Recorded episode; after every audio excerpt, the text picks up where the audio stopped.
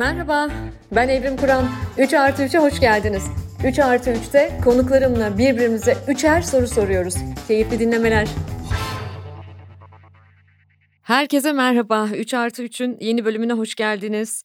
Bu bölümde konuğum aslında hepinizin çok iyi bildiği bir isim. Bilirsiniz tabii iki yıldır Türkiye'nin en çok dinlenen podcastlerinden, 5 podcastinden biri seçiyorsunuz onu. Mesela beni seçmiyorsunuz, onu seçiyorsunuz.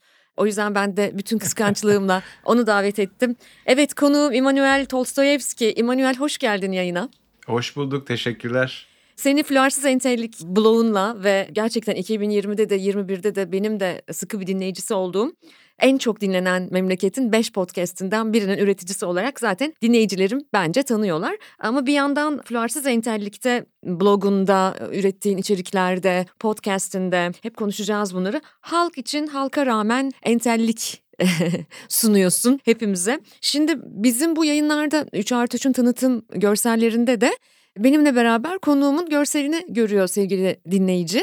Burada Immanuel diye sesleniyorum kendisine. Immanuel Tolstoyevski çünkü onun adı bu, mahlası bu yani. E, görselde de onu tam olarak göremiyor olabilirsiniz ama hayal edin bu da onun tercihi. Ve ben her 3 artı 3'ün başında olduğu gibi Immanuel'in bendeki karşılığını, benim onu nasıl tanıdığımı, onun kendini nasıl e, tanıttığını anlatarak yayına başlayacağım ve birbirimize evvelce birbirimize paylaşmadığımız üçer soru yönelteceğiz.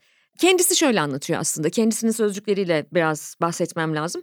Adından da anlayabileceğiniz gibi e, Rus edebiyatı sevdalısı, Alman felsefesi meraklısı ve eser miktarda da Batı uşağı diye kendini tanımlıyor.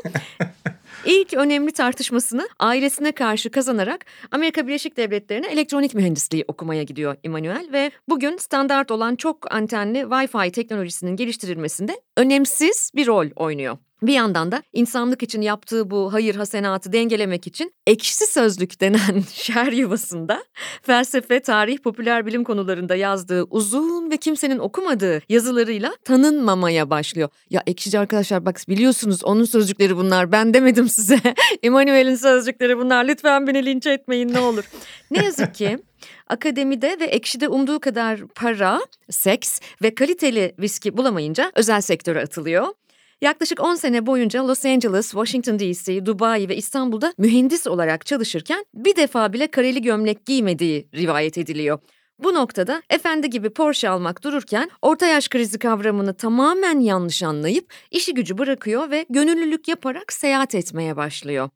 Nepal köylerinde koyun gidiyor, Japon pazarlarında meyve sebze satıyor, Endonezya okul balolarında şarkı bile söylüyor. Bir müddette Himalayalarda hayatın anlamını aradıktan sonra kutsal mühendis ukalalığı baskın çıkıyor ve ben demiştim bu adamların bir şey bildiği yok, işleri güçleri poz diyerek medeniyete dönüyor. Zamanında teknik danışmanlık için gittiği şirketlerde küçücük çocuklar gibi kavga eden o dev yönetici egolarının arasında ara buluculuk yapmaktan aldığı ilhamla grup dinamikleri, karar verme psikolojisi, eleştirel düşünme gibi konularda bir sürü kursa katılıyor ve tahmin edebileceğiniz gibi ben bunları biliyordum zaten diyor ve diye diye sonunda kendi kurslarını hazırlıyor. Uluslararası komplo camiasının bir numaralı ismi George Soros'un üniversitesinde davranışsal ekonomi seminerleri veriyor. Şu anda bir yandan bu seminerleri liselere yaymakla meşgul. Benim de onunla bu kadar çok ilgilenmemin sebeplerinden biri. Bir yandan da Fluarsız Entellik podcast'i ve Blue aracılığıyla meraklı zihinleri zehirliyor. Normalde kendinden üçüncü tekil şahıs şeklinde bahsetmiyor çok şükür ve her gün en az bir düzine safsata yapıyor. Benim de bir safsata merakım var. Hele bizim coğrafyada kimin merakı yok ki? Ama o bence benden daha meraklı safsatalara. Bir de ansiklopedi yazıyor yani işin kitabını yazıyor demiyorum işin ansiklopedisini yazıyor. Safsatalar ansiklopedisi isminden de anlayabilirsiniz içinde 100 tane safsatanın incelemesi var. Ve mantıktan inanca, edebiyattan aşka, dinden mitolojiye birçok konuyu ele alıyor. Ben de özellikle memleketin safsataları olan merakını ama bunların da safsata olduğunu bilmemelerinden dolayı da cömertliğini hep çok ilgi çekici bir konu olarak bulmuşumdur. O yüzden onun yazılarını okumaya bayılıyorum, yayınlarını dinlemeyi çok seviyorum. Hangi kuşağı sorsam dinliyor musunuz diye herkes dinliyoruz diyor. Ne güzel, hoş geldin İmanuel. İyi anlattım mı seni? Hoş bulduk. İnanılmaz bir giriş oldu evet. Bu zaten benim Safsatalar Ansiklopedisi kitabından alıntı ama yine de takılmadan etmeden ben hani 3 senedir podcast yapıyorum ya kayıt yapıyorum sürekli. Takılmadan etmeden 5 dakika giriş bence şahane. Hayatımda şöyle bir şey yapamadım. Ama seni en çok dinlenen podcast içiyorlar. Ne haber? Bilmiyorlar kaliteden anlamıyorlar işte o yüzden. Sevgili dinleyici 2022'de ümitliyim lütfen beni de seçin. Buraya geleceğim. Birinci sorum buradan gelecek sana. Bu konuya çok meraklıyım. Davranış ekonomisi eğitimi aldım. Bile bile aldım bunu yani. Böyle ilerleyen yaşlarıma 40 yaşımdan sonra davranış ekonomisi eğitimi aldım. Çünkü safsata meselesine çok meraklıyım. E, hatta şu an Türkiye'de bir üniversitede de karar verme dinamikleri üzerine özellikle kapsayıcılık üzerine ve neden kapsayıcı olamıyoruz, ne kadar safsata meraklısı bir toplumuz bunun üzerine çalışıyorum. E, ders de veriyorum. Fallacy İngilizce ifadesiyle safsata bunu sana sormak istiyorum. Birinci sorum bu. Bize safsatayı tanımlar mısın ve bunu hemen eklemleniyorum birinci soru hakkımın içerisinde. Seni en sinir eden safsata hangisi? Şimdi inşallah safsatanın tanımını tam kitapta yaptığım gibi yaparım. Yoksa rezil olacağım.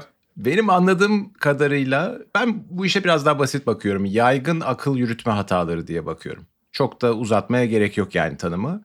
Akıl yürütme hataları tabii ne demek? Akıl yürütme ne demek? Bir başlangıç noktanız var, bir de vardığınız sonuç var. O arada bir şeyler oluyor. Oradaki yoldan giderken kamyon şarampole yuvarlanıyor. Akıl yürütme hatası bu. Yani yanlış bilgiden farklı cehaletten farklı bir şey, hiç bilmemekten de farklı bir şey. Benim safsataya bakışım dolayısıyla gayet basit. Bir kısmı bunların bilerek yapılan şeyler. Yani ben bir tartışmayı kazanmak için, dinleyenler nezdinde zafer kazanmış gibi gözükmek için bilerek yapabilirim safsatayı veya bilmeden kendim bile farkında olmadan yapabilirim. Bunların bazıları da gerçekten bir takım tahmin edilen ne göre evrimsel süreçler yüzünden oluyor bilişsel yanlılıklar deniyor buna. Bu bilişsel yanlılıklar bir argümana çevrildiklerinde, bir söze döküldüklerinde safsata haline gelebiliyorlar. Aralarında böyle bir ilişki var. Yani bilerek de yapabilirsiniz, bilmeden de yapabilirsiniz. Evrimi de suçlayabilirsiniz, herkesi suçlayabilirsiniz. Şimdi en sevdiğim safsata, en sinir olduğum safsata diyelim en sinir olduğum safsata çok zor ya. Bu benim artık hepsi çocuklarım gibi oldu tabii safsata ansiklopedisi yazınca. Hepsinden hepsinin üstünde araştırmalar yaptım, örnekler verdim. O yüzden aralarından seçmek zor oluyor. Sanırım verdiği zarar bakımından düşünürsek strawman yani çöp adam safsatası herhalde öne çıkar. Çünkü çok kolay yapılıyor. Yani karşıdakini olduğundan daha zayıf gösteriyorsun belki argümanı daha zayıf gösteriyorsun, kişiliğini daha zayıf gösteriyorsun. O yüzden ad hominemle de biraz alakalı. Genel olarak onun oradaki karizmasını, imajını zedeliyorsun ve onu sanki o şekildeymiş gibi sunuyorsun kendi dinleyenlerine. Yani bu zehirleyici bir şey çünkü sadece o argümanla sınırlı kalmıyor. O kişinin genel olarak gelecekte yapacağı argümanları da zehirliyor. Ondan önce söylemiş olduğu şeyleri de zehirliyor senin dinleyicilerin nezdinde. O yüzden bence çok zarar verici bir şey ve herkesin de yaptığı bir şey. Çok da kolay yapılan bir şey. O yüzden herhalde onu seçerdim. Çöp adam safsatası. Mesela kendini yakalıyor musun çöp adam safsatası yaparken? Tabii ki. Ya da birilerini ki. son zamanlarda yakaladın mı? Yani şöyle güncel bir örnek versen dinleyiciye. Güncel bir örnek hiç gelmiyor aklıma. Yani safsataların da inanılmaz tarafı bu. İnsan herhalde hafızasından belleğinden siliyor bunları. Kendisini iyi göstermek için. Otomatik viteste gidiyoruz. Otomatik viteste giderken daha çok safsata tuzağına düşüyoruz galiba. Ben de yakalıyorum çünkü kendimi. Evet yani dediğim gibi hani bunu bilerek yapabilirsiniz. Bir politikacıysanız işiniz hmm. birazcık herhalde daha ziyade konuşmak üzerineyse, kalabalıkları da ikna üzerineyse o zaman safsataları bilinçli yapmak işinizin bir parçası oluyor zaten ama çoğumuz bunu otopilotta yapıyoruz. Ben kitapta şunun üzerinde çok durdum. Kesinlikle safsata avcılığı yapmamak lazım.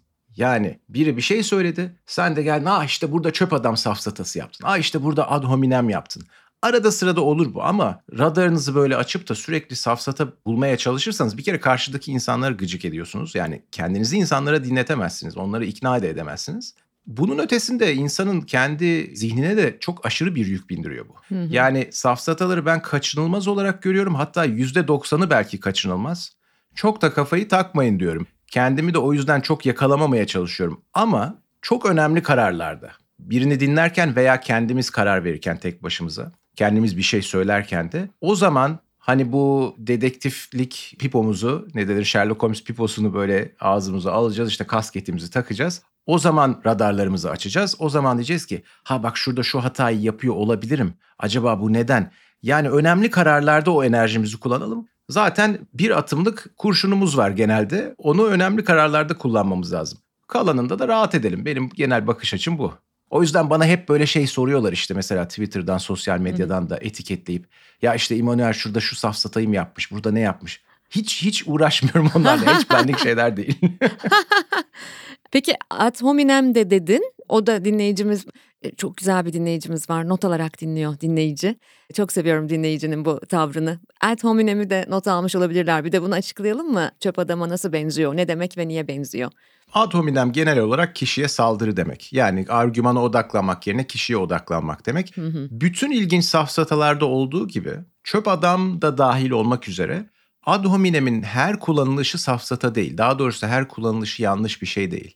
Mesela buna bir örnek verirsem belki kitapta da bunu yapmıştım. Yalancı çoban hikayesi olabilir. Hmm. Bir insanın daha önceki yaptıkları, daha önceki tarihçesi, daha önceki argümanları, genel karakteri bazı durumlarda kullanılmalı. Yani sen onu bir kısa yol olarak kullanıyorsun. Her argümanında senin ayrı ayrı analiz edilecek diye bir kural yok. Önceki yanlışlarının da bedelini ödemek zorundasın. Yani bu bir aslında toplumun beraber yaşaması için de bir kural, bir gerekçe. O yüzden illa ad hominem yapmak, kişiye saldırmak, karakterine saldırmak, onun tarihçesine saldırmak yanlış bir şey değil. Ama bunu çok yaparsanız veya artık işte orada biraz muhakeme işin içine giriyor. Yanlış şekilde yaparsanız o zaman safsata oluyor.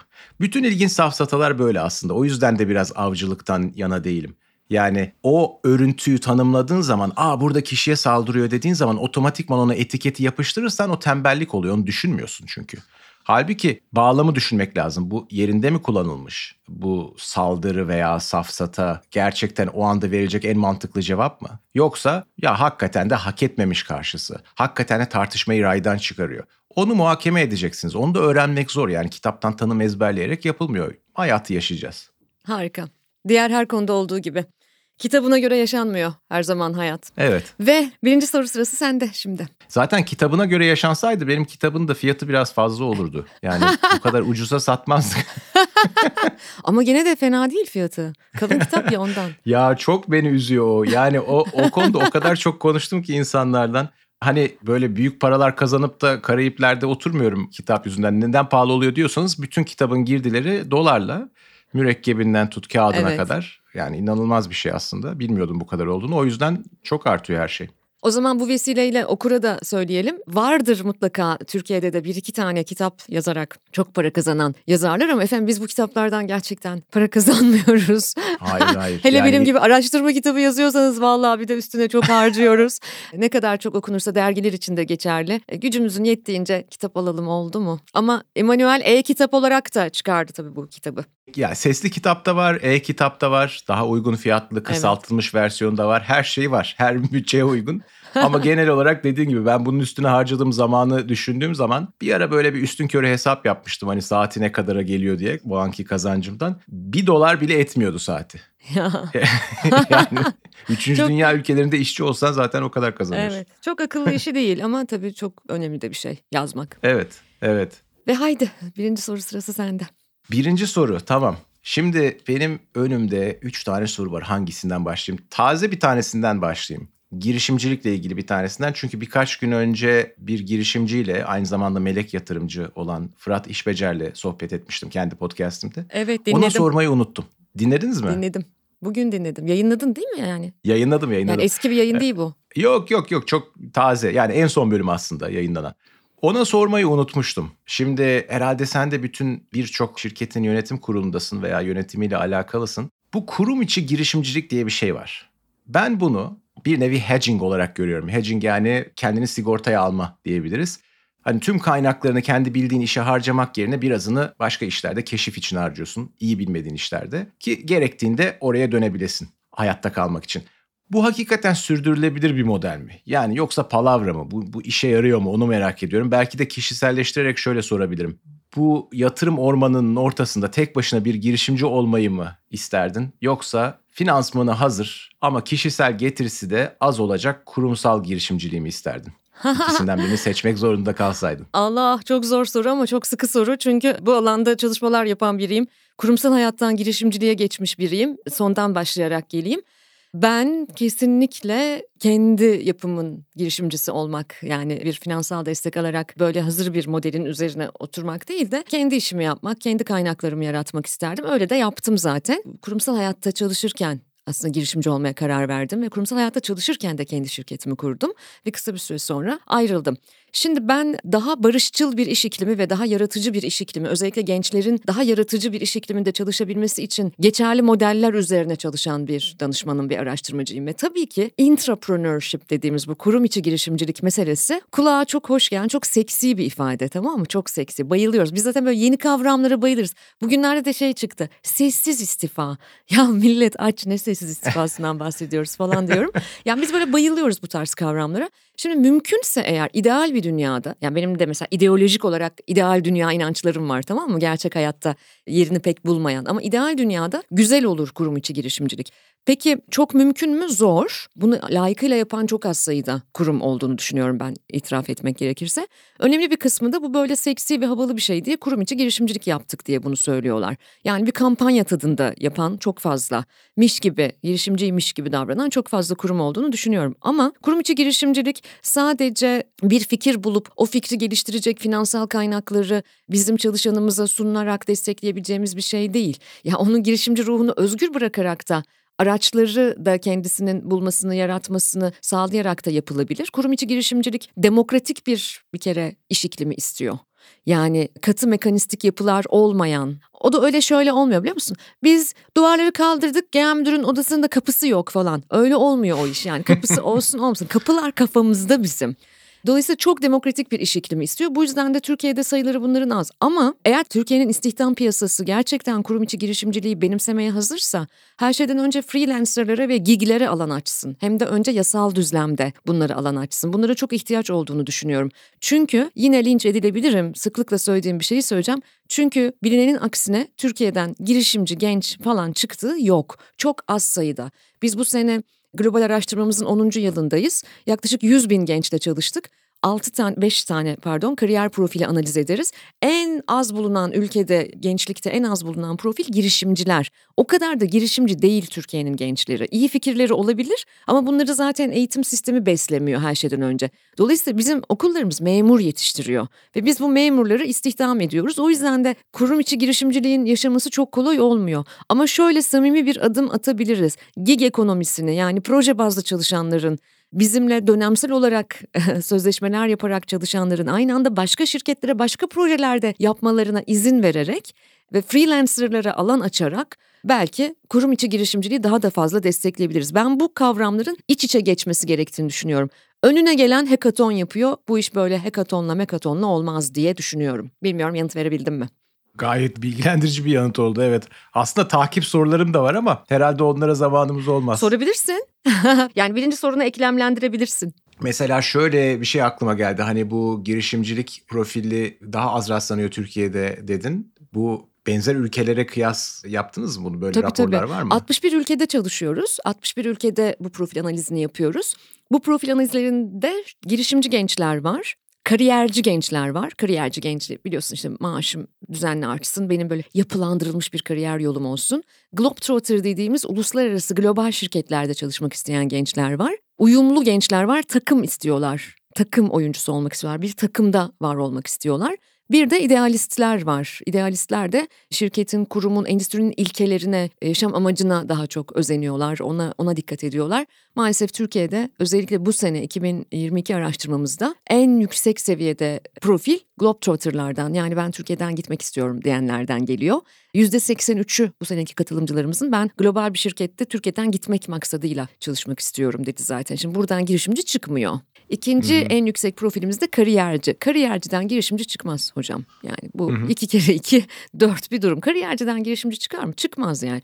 Çivinizin büyük olması lazım girişimci olmak için. Çivin büyük olacak. Sandalyede öyle oturamayacaksın oturduğun yerde. O sana batacak yani. O yüzden biraz rahatsız olacaksın. Girişimci profilimiz çok az. Ne yazık ki uyumlu profilimiz çok az. Yani iş birliğine yatkın değil bizim gençlerimiz. Eğitim sistemi çünkü böyle. Yani böyle Hı-hı. anaokulundan itibaren böyle. Yoksa anaokulundan önce yapsak analizi hepsi girişimci çıkabilir bu arada. ee, yani okula ve tornaya girmeden önce yapsak. Bir de e, maalesef idealistler çok çok az. Bu sene en az gördüğümüz profil onlardı. Bu tamamen ülkenin ekonomik ve kültürel herhalde... Ve evet ve siyasi gerçeklikleriyle de çok ilintili. Ama mesela işte biz bunu İskandinav ülkelerinde de yapıyoruz. Merkezimiz İsveç bu arada, Stockholm'da araştırma merkezimiz.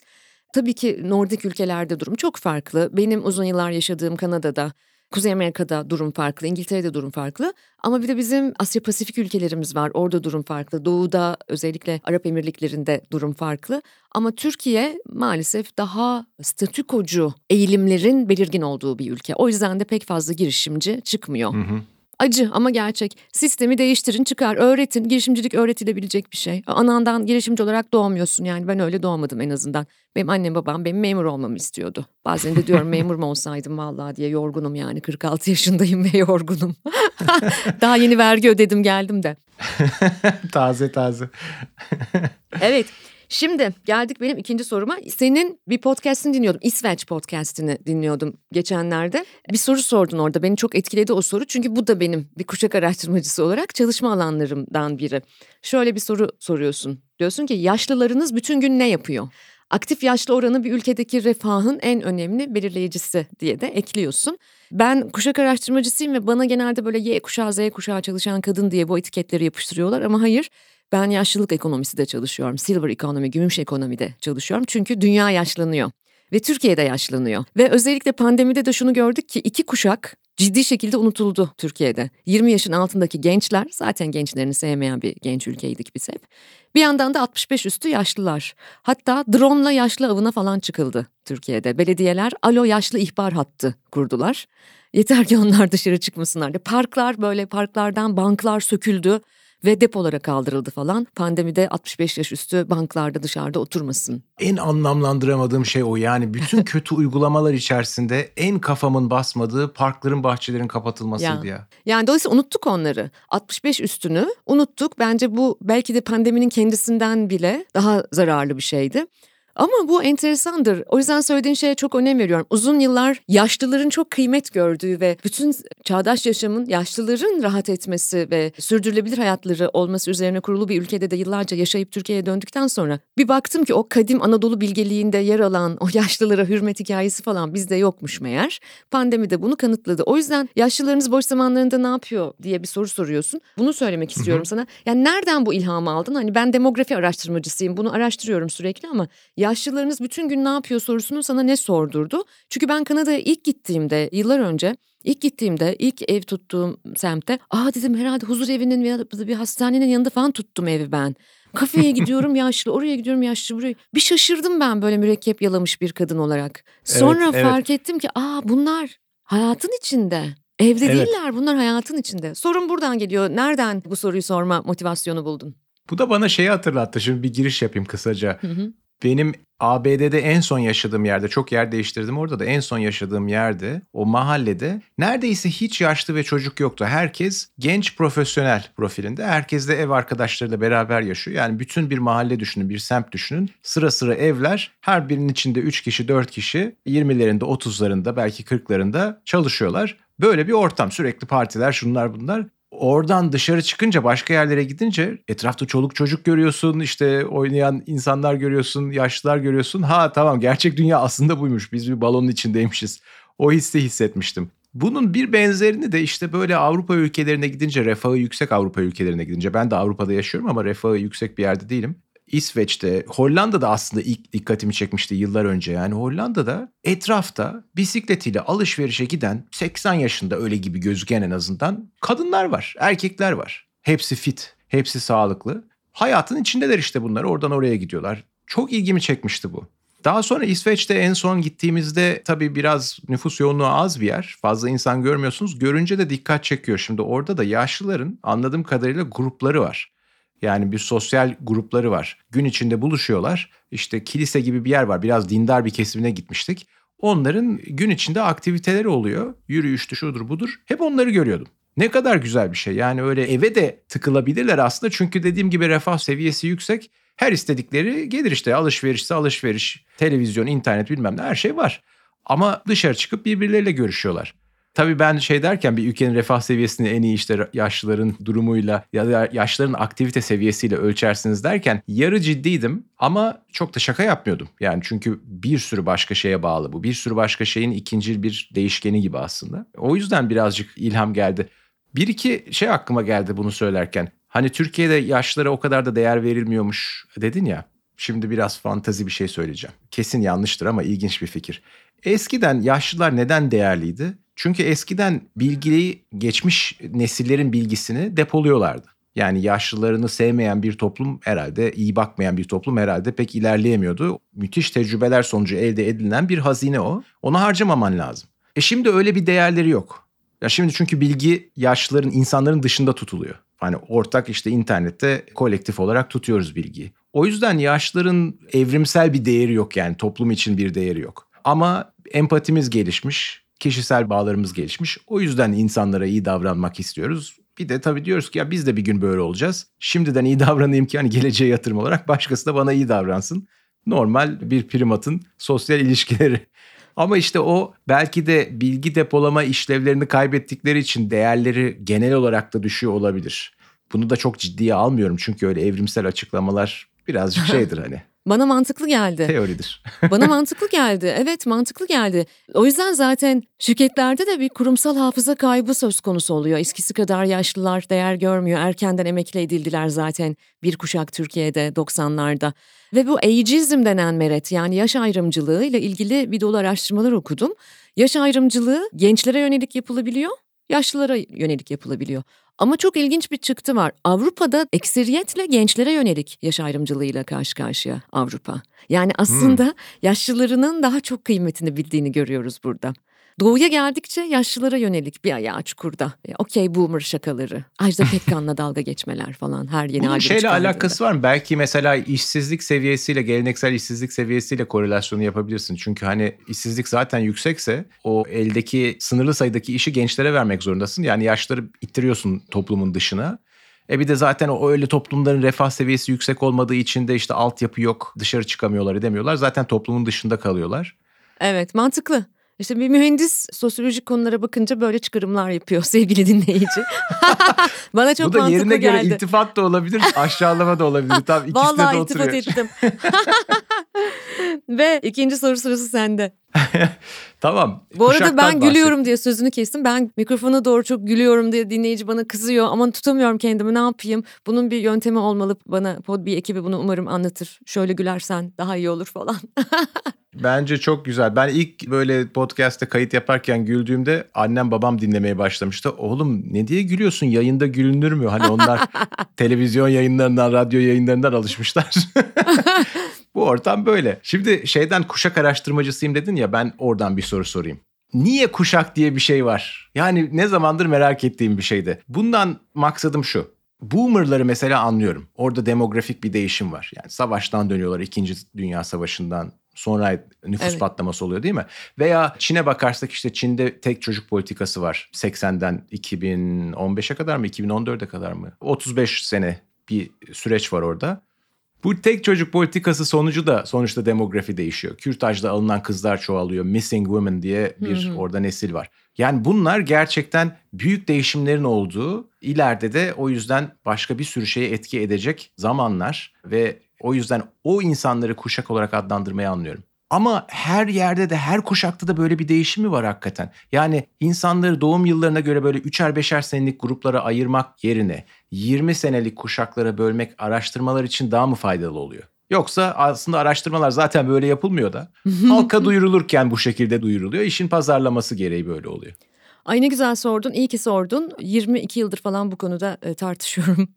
ve ve lütfen bir tarafınızdan kuşak uydurmayın diyorum bir kuşak araştırmacısı olarak. Bir kere 20 yıllık döngülerde yani kohort deriz biz kuşakçılar. 20 yıllık 15 ila 20 yıllık koridorlardan geçerek ancak evrilebiliyor insan patern olarak yani davranış olarak. Mesela kuşak niye var? Jenerasyon niye var? Bir segmentasyon aracı olarak var ve zamanın ruhunu anlayabilmek için var. Bir araç yani. Fakat popüler olan her konunun başına geldiği gibi ki ben 20 yıl önce bu işleri e, merak sardığımda inan hiç popüler değildi. Ama şu an popüler olan her konuda olduğu gibi zırt pırt cebimizden kuşak uyduruyoruz. Şimdi de C kuşağı çıkmış, şimdi de K kuşağı çıkmış, şimdi de bilmem ne. İnternet çok hızlandı. Ya arkadaş bu iPhone'un her modelinin değiştiği zaman yeni bir kuşak çıkıyor diye bir şey değil. Öyle değil kuşaklar. Dolayısıyla teknolojinin ne kadar geliştiği kuşakları tanımlamıyor. İnsanın kültürel olarak e, kültürel bir hayvan insan. Kültürel bir memeli hayvan öyle değil mi? Dolayısıyla bunu Tom Goodwin diyor e, bunu söyleyen galiba dijital Darwinizm diyor. Yani aslında teknoloji kadar hızlı gelişmiyor insanın kültürü. O yüzden de kuşak çalışmak benim için zamanın ruhunu çalışmak. Ben zamanın ruhunu ve o zamanda değişen tüketici, çalışan ve e, insanoğlu paternini başka başka kategorilerde inceliyorum ve bunları araştırıyorum. Ve burada dezavantajlı grupların hikayelerini ortaya çıkarmaya çalışıyorum. Özellikle belli toplumlarda, onun için böyle bütün dünyada aynı yıl aralıklarında benzer kuşaklardan falan bahsedemeyiz yani. Tamam mı? Ben Türkiye usulü anlatırım Türkiye'deyken. Batı'da Batı usulü anlatırım bunu falan. O dönemin, o coğrafyanın zamanının ruhunda ne var? Tabii ki küreselleşmenin etkileri var. İşte efendim e, cloud teknolojileri bilmem ne. Bunların tabii ki etkileri var ama İstanbul'da bile mesela iki farklı mahallede kuşak araştırması yapıyoruz. Çok yoksul mahalle, çok zengin mahalle. Oradaki çocukların teknolojiyi algılama biçimleri bile farklı. Bırak başka bir ülkeyi ya da başka, başka bir kente gitmeyi. O yüzden benim derdim kuşak çalışırken bunu bir araç olarak kullanıp daha rahat derdimi dinletebilmek. Çünkü kendimi bildim bileli bu ülkenin gençlerinin bir derdi var arkadaşlar ve ben bu derdi sizlere göstermek istiyorum diyorum. Ve Türkiye'nin gençleri yani Türkiye Cumhuriyeti tarihi boyunca Türkiye gençlerini çok seven bir ülke genç ülke olmadı. Yani bizim 60'larda, 70'lerde, 80'lerde, 90'larda şu an e, bugün e, gençlerimizin her zaman dertleri vardı. Ben bu dertleri genç nesil araştırmalarım üzerinden anlatıyorum halkımız da Y kuşağı, Z kuşağı deyince bir daha rahat anlar oldu ve oraları çok çabuk sahiplendi. Ama mevzu asla şu değil, şu yılda doğan budur, bunun kuşağı şudur, yükselen kuşakta budur falan öyle bir şey yok. Sadece Cumhuriyet tarihinde ilk defa altı farklı dönemin insanları aynı zaman dilimini paylaşıyor. Buna ister kuşak deyin, ister terlik deyin, ister pabuç deyin ama zamanın ruhunu kategorize ederek anlamayı, o dönemin şartlarını anlamayı kolaylaştırıyoruz. O yüzden şimdi şu yıl bitti, bu yıl hangi kuşak doğacak hikayesi değil bu. Önemli hmm. olan şu Türkiye'de 53 milyon yaklaşık 40 yaşından genç birey var. Ve bizim buna kulak kapatmamamız lazım her anlamda buraya dönüp bir dinlememiz bakmamız lazım. Ben de bunu kuşak araştırmalarıyla daha popüler hale getirdim. Biraz manipüle ettim yani pazarı kızıştırdım diyelim. tamam yani bu kuşakların 20'şer senelik 15-20'şer senelik olmalarının sebebi insan kültürünün o adımda o hızda değişmesi. Kesinlikle öyle. Yani şöyle bir şey yok. Aa şimdi de teknolojinin şöyle bir boyutu çıkıyor. Metaverse geldi. Hadi kuşak çıkaralım. Metaverse kuşağı. Öyle bir şey yok. Evet, ya da yani evet. her yeni çıkan ıı, çamaşır makinesi modelinde falan kuşak değişmiyor. Öyle bir şey yok. Yani bugün sizin 4G teknolojisi dediğiniz şey 100 yıl önce buharlı trenin buharıydı. Böyle bakmak lazım mevzuya. Evet. Peki bir ek soru sorayım. Şunu merak ettim. Hani herhangi bir çalışmayı yaparken, kuşaklara ayırırken o çalışmayı yani bir anket olur, başka bir şey olur. Hı hı. Bir alternatif ya şöyle de olsaydı diye düşünüp mesela kuşakları birazcık kaydırdın mı? Hani şuradan başlatmayalım bu 20 senelik bölümleri de bu segmentasyonu yine 20'şer senelik yapalım ama biraz kaydıralım hani fazını kaydırırmış gibi bir 5 sene ileri atalım. O zaman ne oluyor acaba? Evet. Daha değişik veriler çıkıyor mu? Böyle Ona gerek yok ama ara kuşakları olduğunu anlamak lazım. Türkiye'de özellikle 80-85 arası döneme çok dikkat etmek lazım. Yani 80'den sonrasında işte genel olarak milenyum çocukları falan derler dünyada ama ben Türkiye'de 80-85 arası doğanların yetiştirdikleri dönemde özellikle mesela oranın bir Araf kuşağı olduğunu düşünürüm. Orası Araf'tır. Dünyada da özellikle Amerika'da Generation Jones diye bir ara kuşak vardır. Onlar da sessiz kuşakla baby boomer arası bir kuşaktır falan. Yani hmm. böyle farklı kültürlerde o bağlamdaki siyasal ve ekonomik değişikliklerle ilgili olarak ara kuşaklar olabilir. Bence Türkiye'de 80-85 arası doğumlular biraz üst kuşağa biraz kendilerinden sonraki kuşağa benzerlik gösterebilirler. Çünkü orada Türkiye artık açık ekonomiye, serbest piyasa ekonomisine geçişin etkilerini çok kuvvetli bir şekilde, rekabetin etkilerini kuvvetli bir şekilde görüyor ve önceki kuşağın deneyimlemediği bazı şeyleri ilk elden onlar yaşamaya başlıyorlar.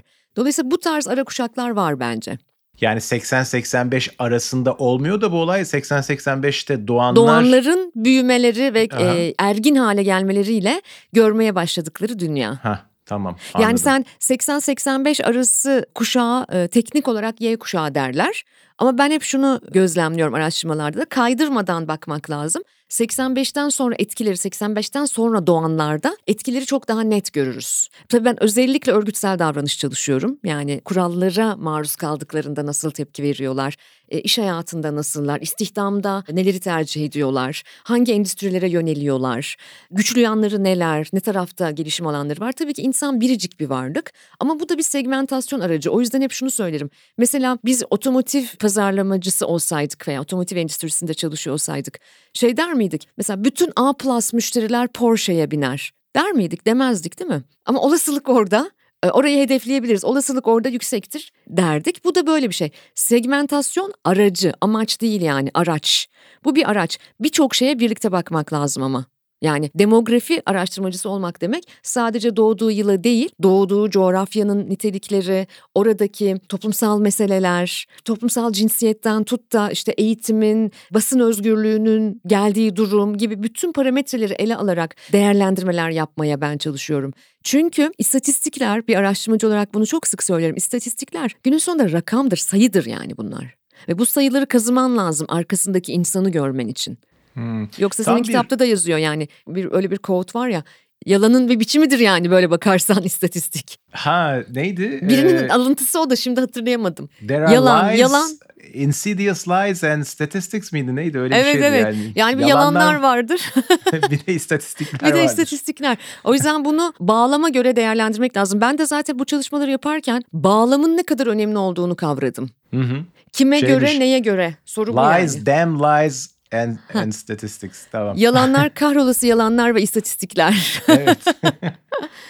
Bu aslında böyle bir işi yapmak için tam bir genel hani bir uzmanlaşıcı, uzmanlaşan insanlar vardır ya bir de genel kültürcüler vardır. Generalist deniyor. Öyle olmak lazım çünkü dediklerine ek olarak bir de pop kültürü falan da takip edeceksin. Tabii. Edebiyatı takip edeceksin. Tabii. Her şey etkiliyor birbirini çünkü.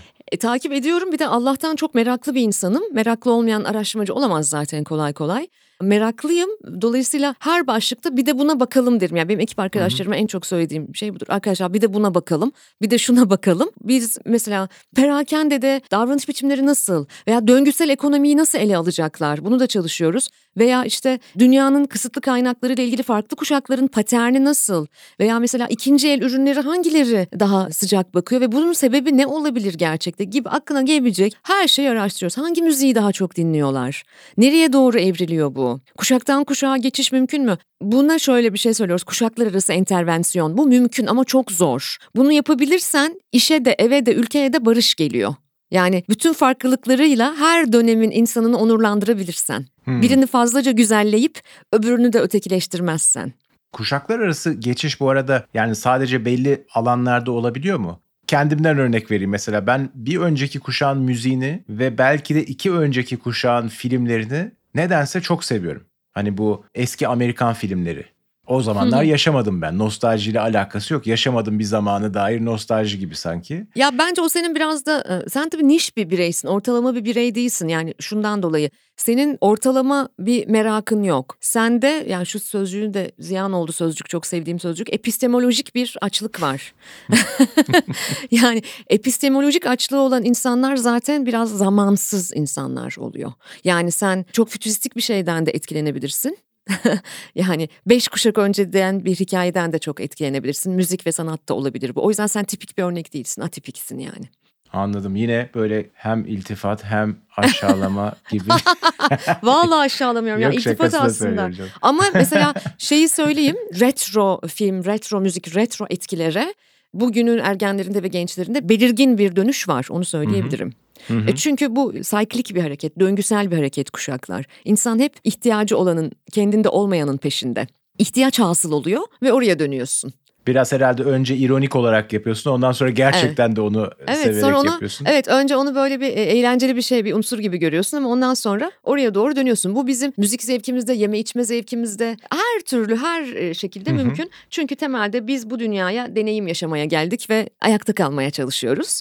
Hı-hı. Ve dünya şartları zorlaştıkça eski deneyimlere daha fazla gidiyoruz. Hı-hı. Şimdi Aa ben soruyorum değil mi? Üçüncü soru. Evet. Sen evet, bana sordun değil mi? Sıra sende. Aa, hiç kafam karışmaz kafam karıştı. Üçüncü ve son sorumu soruyorum. Şimdi şuradan soracağım. Bir yazında okumuştum ama bu galiba bayağı epey bir zaman önce blogunda yazdığın bir yazı. Ee, çok kafama takılan bir konuydu. Kendine güven özellikle yolun başındaki bir insana verilecek en anlamsız tavsiyedir diyorsun. O yüzden ben gençlere tavsiye vermekten bir e, özellikle gençlerle çok yoğun çalışan, gençlik araştırmaları yapan biri olarak e, ve gençliğinde hep burnunun dikine gitmiş biri olarak da gençlere tavsiye vermeyi hiç sevmiyorum. Özellikle de böyle endüstriyel kişisel gelişim tavsiyelerine uyuz oluyorum. Sen de öyle bir makale yazmıştın ve şöyle dedin. Başarılı ol demek kadar anlamsız kendine güven demek. Zaten çocuk onun yolunu arıyor. Özgüven bir başlangıç noktası değil, bir varış noktası. 16-17 yaşındaki bir gencin kendine güvenmesi için ne sebebi olabilir ki? Parası yok, becerisi az, hayatıyla ne yapacağını bilmiyor, vücudundan utanıyor, zevkleri gelişmemiş, dünyaya yabancı. Böyle bir insanın güvensizlik hissetmemesi için ruh hastası olması lazım. Dolayısıyla sen burada bize, bence ebeveynlere en çok şunu söylüyorsun. İzin verin başarısız olsunlar ki yılmaz olsunlar ve şöyle ekliyorsun diyorsun ki bir gencin sahip olduğu tek şey hata yapma ve rezil olma lüksü. Buna bayıldım. Ama özellikle gelişmekte olan ekonomilerde, gelişmiş ekonomilerde bunun pek böyle olduğunu görmüyorum. Ama bizimki gibi gelişmekte olan ekonomilerde biz gençlerimize hata yapma şansını ve rezil olma lüksünü pek tanımıyoruz, vermiyoruz. Ne dersin bununla ilgili? Sen de bir evlat yetiştiriyorsun değil mi? Evet daha daha ufak. Daha çok küçük ama. Artık acaba o ne kuşağı o... bilmiyorum. Amerikalı büyüklerimiz alfa kuşağı diyor ona ama çok takılma önemli değil ne dedikleri. tamam. Ama rasyonelin yükseldiği, aklın ve bilimin yükseldiği bir çağın çocukları olduğunu düşünüyorum onların. Hmm. Öyle tanımlamaya çalışıyorum ben. İnşallah öyle olur. Yani evet. benim çocuk yetiştirirken çocuk yetiştirmekle alakalı olarak da kuvvetli bir ideolojim yok illa. Şöyle olacak, böyle olacak. Birçok şeyde zaten yaparken öğreniyorsun. Çocuğa da çok bağlı. Genel olarak düşünürsek bu özgüven meselesini tabii çok yargılayıcı olmamak lazım. Yani ben bunu şu bakımdan demedim. Hani bu Silikon Vadisi'nde bir kültür vardır ya işte sürekli iflas edersin, düşersin, ayağa kalkarsın bilmem ne. Başarınızdan korkmayın. E orada öyle bir kültür var çünkü orada para bol. Yani 10 kere iflas edebilirsin, 11.sinde başarıyı bulabilirsin. Öyle bir kaynak bolluğu var, bağlantı bolluğu var. Şimdi gelişmekte olan bir ülkedeysen sen, belki orta halli bir ailenin mensubuysan, daha da alt sınıftaysan ya da çocuğun oradan senin için bir çıkış yolu. Bir yükselme, sınıf yükseltme, sınıf atlama yolu. Senin için olmasa bile kendisi için en azından. Yani orada başarısızlığa tolerans az. Her şey risk çünkü. O yüzden o insanların da Hani bu şeydir ya birazcık stereotipiktir. Bu ABD'ye göç eden Asyalı göçmenlerde inanılmaz bir hırs vardır. Çocukların da çok böyle şey yaparlar yani. Çalış çalış çalış işte 99 alırsın sınavdan niye 100 almadın der. stereotipik şeydir Çinli anne ve baba. E çünkü onlar yokluktan gelmişler ve sınıf atlamanı istiyorlar. Bunu tabii aşırıya kaçmadan yapmak lazım ama anlıyorsun yani neden o yöne meylettiklerini. O yüzden ben şartları zor olan ebeveynlere ya bırakın çocuğunuz da işte biraz başarısızlığı tatsın diye bol keseden tavsiye veremem. o insanlar çünkü her şeyi o şekilde o risk algısıyla algılıyorlar. Önemli önemsiz konuları. Onu ayırt etmek çok zor. Ama genel olarak düşünürsek hayatınızda hani çok etkilemeyecek. Ne diyeyim? Şöyle söyleyebilirim. Yani gelecekteki seçeneklerinizi çok azaltmayacak hatalar bedava hatalar, maliyetsiz hatalar. Sadece orada rezil olacaksınız. Kendinizi kötü hissedeceksiniz. 5 gün sonra da unutacaksınız ve o halinizi de güleceksiniz. Hadi 5 gün olmasın 5 ay sonra olsun yani. Ama gelecekteki opsiyonlarını çok kısıtlayacak hatalar e tamam o zaman onları da yapma lüksümüz yok yani Silikon Vadisi'nde yetişen bir çocuğun olduğu gibi. onları birazcık o farkı ayırt etmek lazım. Nasıl ayırt edebiliriz? Bilmiyorum zor yani hayat hakikaten zor. Ama en azından hani aklınızda kalacak tek bir şey varsa şu olmalı. O bol keseden ucuz işte kişisel gelişim şeyleri sloganları satan insanlara pek de güvenmeyin. Yani kendinize güvenip güvenmemenizi bilmem ama onlara güvenmeyin. Çünkü gerçekten de özgüven hayatının bir ürünü, tecrübelerinin bir ürünü Birazcık tabii ki fake it till you make it mantığı işlemesi lazım. Yani biraz hak etmediğin bir özgüveni göstereceksin ki bazı kapılar sana açılacak evet ama onu da çok abartmamak lazım. Ondan sonra asıl yaptığın işlerle gerçek özgüveni kazanıyorsun. Belki de buradan çıkarılacak ders çocukların kendilerini güvensiz hissetmelerinin gayet normal olduğu.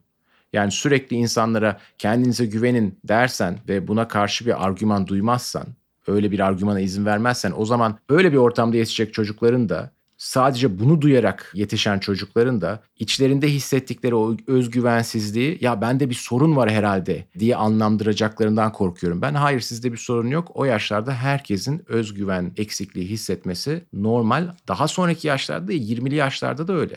Hatta ben bunun hakkında şimdi tam bir içerik üretiyordum. Erkeklere odaklanıyordum. Erkeklerin erkeklere yönelik toplumsal cinsiyet rolleri yavaş değişiyor. Yani birkaç nesil öncesine göre. Hatta Pew Research'ın bir araştırmasını hmm. okudum şimdi. Cinsiyet rolleriyle ilgili değişik sorular soruyorlar Amerikalılara.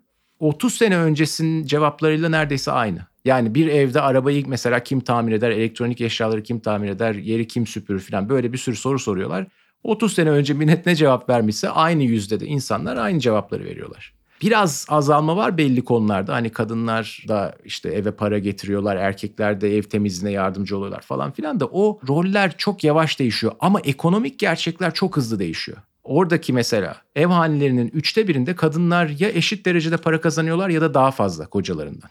Şimdi böyle bir dünyadayız artık. Bir nesil içinde bu kadar çok şey değişmiş. Ama toplumsal cinsiyet rolleri fazla değişmemiş. Bu erkeklerde büyük özgüven eksikliğine yol açıyor. Yani işsizsen, para kazanamıyorsan aman ailemi geçindiremiyorum veya işte eşinden daha az para kazanıyorsan kendini yetersiz hissediyorsun falan. Bir, bir sürü şey var böyle etkisi var. Yani bu özgüvensizlik aslında ileriki yaşlara da taşınabilen bir şey. Bu küresel trendlerden, ekonomik trendlerden de çok etkilenen bir şey. Onların farkında olmak Hani bunları illa çözebilirsiniz diye değil. Her şeyin bir çözümü yok ama en azından bunların farkında olunca ya tamam benimle aynı durumda olan milyonlarca insan var. Ben yalnız değilim. Bende de ekstra bir sorun yok. Kendinden en azından nefret etmemeni sağlar. Öyle düşünüyorum. Güzel düşünüyorsun. Hem gençler hem ebeveynler bunu dinlesin bu bölüm burasını bu kısmını özellikle birkaç kere. Bu aralar en düşündüğüm şeylerden biri de it's okay not to be okay. Yani iyi olmamak da e, normal bazen böyledir. Bazen iyi olmazsın. Bazen özgüvenin düşük olabilir. Bazen de böyledir. Evet yani Hangi bizim yaşta olursan ol. Hani biraz tarih okumak bu yüzden güzel. Çünkü eski nesillerin geçirdikleri tecrübeleri düşününce, yaşadıkları travmaları düşününce ya diyorsun ki zaten dünya tarihinde öyle yani bizim yaşadığımız gibi hani rahatlıkta yaşayan, mutlu olmayı kendinde hak gören, sürekli rahat etmeyi kendinde hak gören nesiller çok azdı belki. Yani belli aralıklarda oldular. Belli barış dönemlerinde, bolluk dönemlerinde. İnsanlığın normu zaten o değil. yani o yüzden biz her şeye rağmen şanslıyız. Fakat bizim şanssızlığımız diğer nesillerin aksine sürekli mutlu insan imajı görmemiz. Sürekli böyle her an harika geçen aman işte şimdi Karayipler'de dalıyorum bir hafta sonra işte bilmem nerede Himalayalara tırmanıyorum. Bunların TikTok videolarıyla Instagram postlarıyla etrafımızın sarıldığı bir çağdayız ve insan zaten doğal olarak mutluluğunun bir kısmını kendini etrafındakilerle kıyaslayarak belirliyor. E sen şimdi kendini onlara göre kıyaslıyorsun. Normal şartların belli. Mutsuz hissediyorsun kendini. Bu bakımdan şanssız bir çağdayız bence. Özellikle de gençler için bu aslında tam senin uzmanlık alanın olabilir. Yani ben bundan önce yetiştiğim için karakterim bundan önce oturduğu için tam bu böyle yaşıtlarımla kendimi kıyaslamanın teknoloji yüzünden çok kolaylaşmasından hemen önce karakterim oturduğu için belki etkilenmedim ama bu çağda yetişen bir genç inanılmaz büyük zorluklarla karşılaşıyor bakımdan. Kesinlikle. Bu da tabii mutluluğun endüstriyel bir ürün olarak hedonizmin adeta bir endüstri haline gelmiş olmasıyla ilişki kuruyorum. O yüzden evet tarih okumak önemli ne güzel bir hatırlatma yaptın. Biraz tarih bilinci iyidir. Bellek iyi bir şey bence de. Hans Rosling'in Allah rahmet eylesin kendisine çok sevdiğim bir kitabı var Factfulness. Türkçe'ye de çevrildi. Bu vesileyle önermek de istiyorum. Burada bize şunu anlatıyor Rosling. Diyor ki daha kötü bir durumda değiliz. Yani dünya daha berbat bir durumda değil. ee, yani evriliyor teknoloji, sanayi, insan ömrü, insan sağlığı gibi. O yüzden aslında gerçekler bunlar. Böyle bu kadar korkunç ve felaketlerle dolu bir dünyada mutluluğu hak ediyoruz falan gibi sahte yaklaşımlar işimize yaramıyor ve mutluluğu böyle bize hap şeklinde pazarlamaya çalışıyor bence modern dünya. Buna çok ihtiyacımız yok. Biraz tarih bilmek iyidir. Evet. Ve evet. son soru sırası sende. Ha son bir sorum daha var doğru. Evet. evet. şey hakkında not aldım buraya. İnsan kaynakları İK hakkında not aldım. Çünkü onun danışmanlığını yapıyorsun anladığım kadarıyla değil mi? Yoğun olarak insan kaynakları profesyonelleriyle çalışıyorum. Aslında bir organizasyonun bütün birimleriyle çalışıyorum ama benim projelerimi ekseriyetle insan kaynakları profesyonelleri yürütüyor. Tamam o zaman sana şimdi bir itirafta bulunayım. O insan kaynakları profesyonellerine de bir itirafta bulunayım. Ben kariyerim boyunca ama Türkiye dışında olduğumu düşünerek bunu dinleyin insan kaynaklarını bürokratik bir gereklilikten ibaret gördüm. Muhtemelen kendi sektörüm yüzünden de bu bilişim bilişim sektöründeydim. Orada çünkü işe alımlara, çalışma şartlarına, saatlerine, her şeye karar veren insanlar senin zaten takım arkadaşların oluyor veya supervisor'ın oluyor. Yani %95 başka mühendisler, başka teknik insanlar oluyor. Kültürel olarak da orada zaten İK pek baskın değil. Hatta hiçbir işimde İK'nın varlığını dahi hissetmemiş olabilirim. Bu belli kariyerlere özel bir durum mu yoksa aslında bu işin ideali bu mu diye düşünüyordum. Hani sinemadan örnek verirsem işini iyi yapan bir aktörün o filmde olduğunu anlamazsın ya. Yani o filme sen odaklanmışındır, filmin içindesindir, o role odaklanmışındır. Ama aktör işini iyi yapmazsa bir anda seni filmden çıkar, bir anda fark edersin onun varlığını. O aktörün aktörlük yaptığını. İnsan kaynakları da böyle mi? Yani hani işini iyi yaparlarsa kimse aslında onları hissetmemeli. Ama kötü yaparlarsa o kültürde baskın olmaları, bir otorite figürü olmaları. Böyle bir düşüncem vardı. Ne dersin? Aslında keşke bütün departmanlar böyle olsa. Çünkü yeni çağın bence yeni istihdam dünyasının en önemli özelliklerinden biri organizasyonel çizgilerin flulaşması flulaşıyor organizasyonel çizgiler. O yüzden organizasyonların içerisinde de artık insan kaynakları yaklaşımını sorgulayan da çok fazla endüstri var, çok fazla şirket var. Tabii mesele sadece o insan kaynakları departmanın adını değiştirelim de işte insan şekerleri koyalım falan o zaman daha tatlış oluyor demek değil. Ama perspektifimiz de değişmeli. Ben de insanın bir kaynak olmadığını düşünüyorum bir kere. En başta bunu söyleyeyim. Kaynak mesela A4 kağıt bir kaynaktır ve muhasebe defteri tutulurken de giderlere yazılır o değil mi? Yani insan da böyledir. giderlere yazılır. Halbuki insan bir aset, bir kalıcı değerdir. Bugün sizin şirketinizde çalışsın çalışmasın. O yüzden insan kaynaklarının artık operasyonel işleri zaten ziyadesiyle taşere ediliyor outsource şirketler tarafından dışarıda operasyon işleri artık daha rahat yapılıyor. İnsan kaynakları profesyonellerinin organizasyonel kültür ve insan deneyimi iyileştirme tasarımcıları olması icap ediyor bence. Ben onlarla çalışırken sık sık bunu söylüyorum. Biz hepimiz deneyim tasarımcısıyız.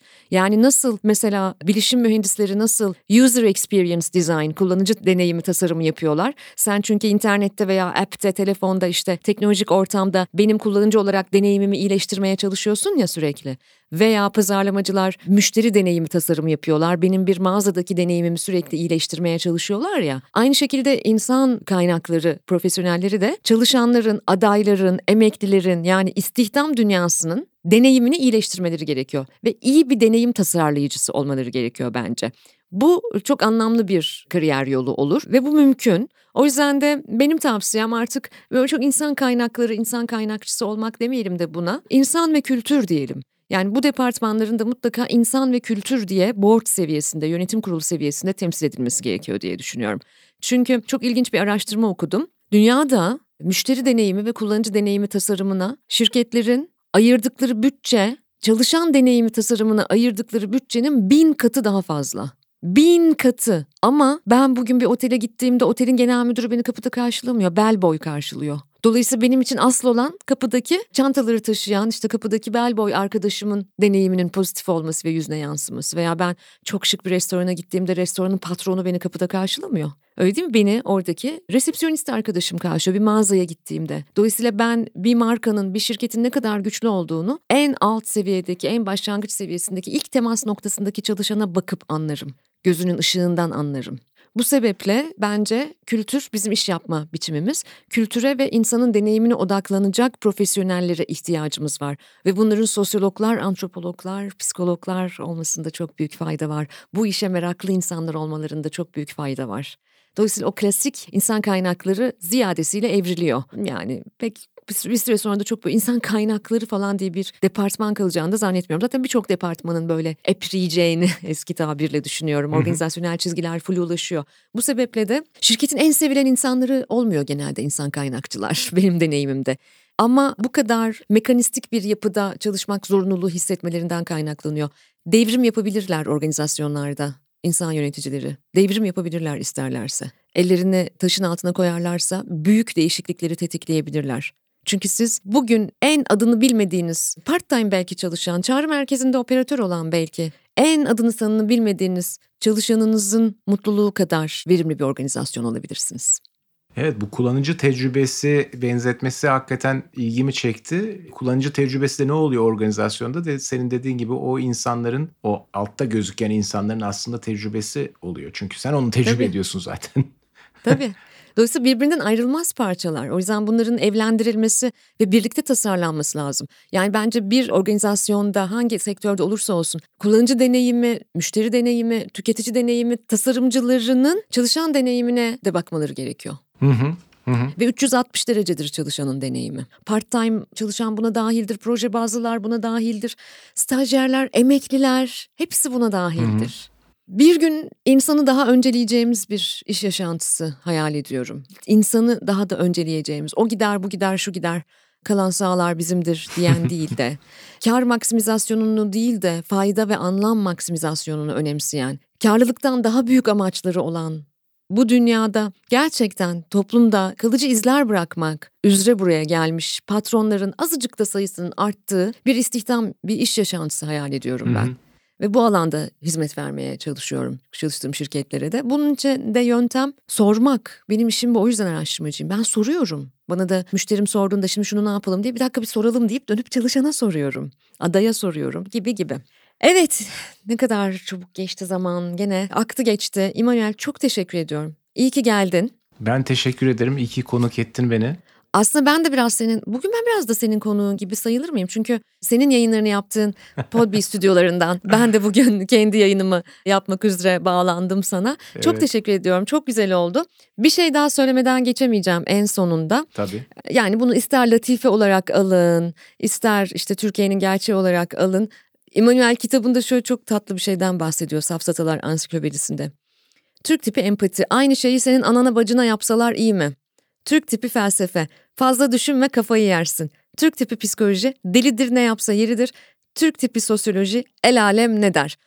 Türk tipi sosyoloji tuzaklarına düşmeden, el alem ne der demeden yaşayan birisin ilham olasın inşallah gençlere, seni dinleyenlere ilham olmaya devam edesin. İnşallah 2022'nin de en çok dinlenen 5 podcastinden bir sen olursun arkadaşım. Orta Doğu ve Balkanların en çok dinlenen 5 podcastinden biri.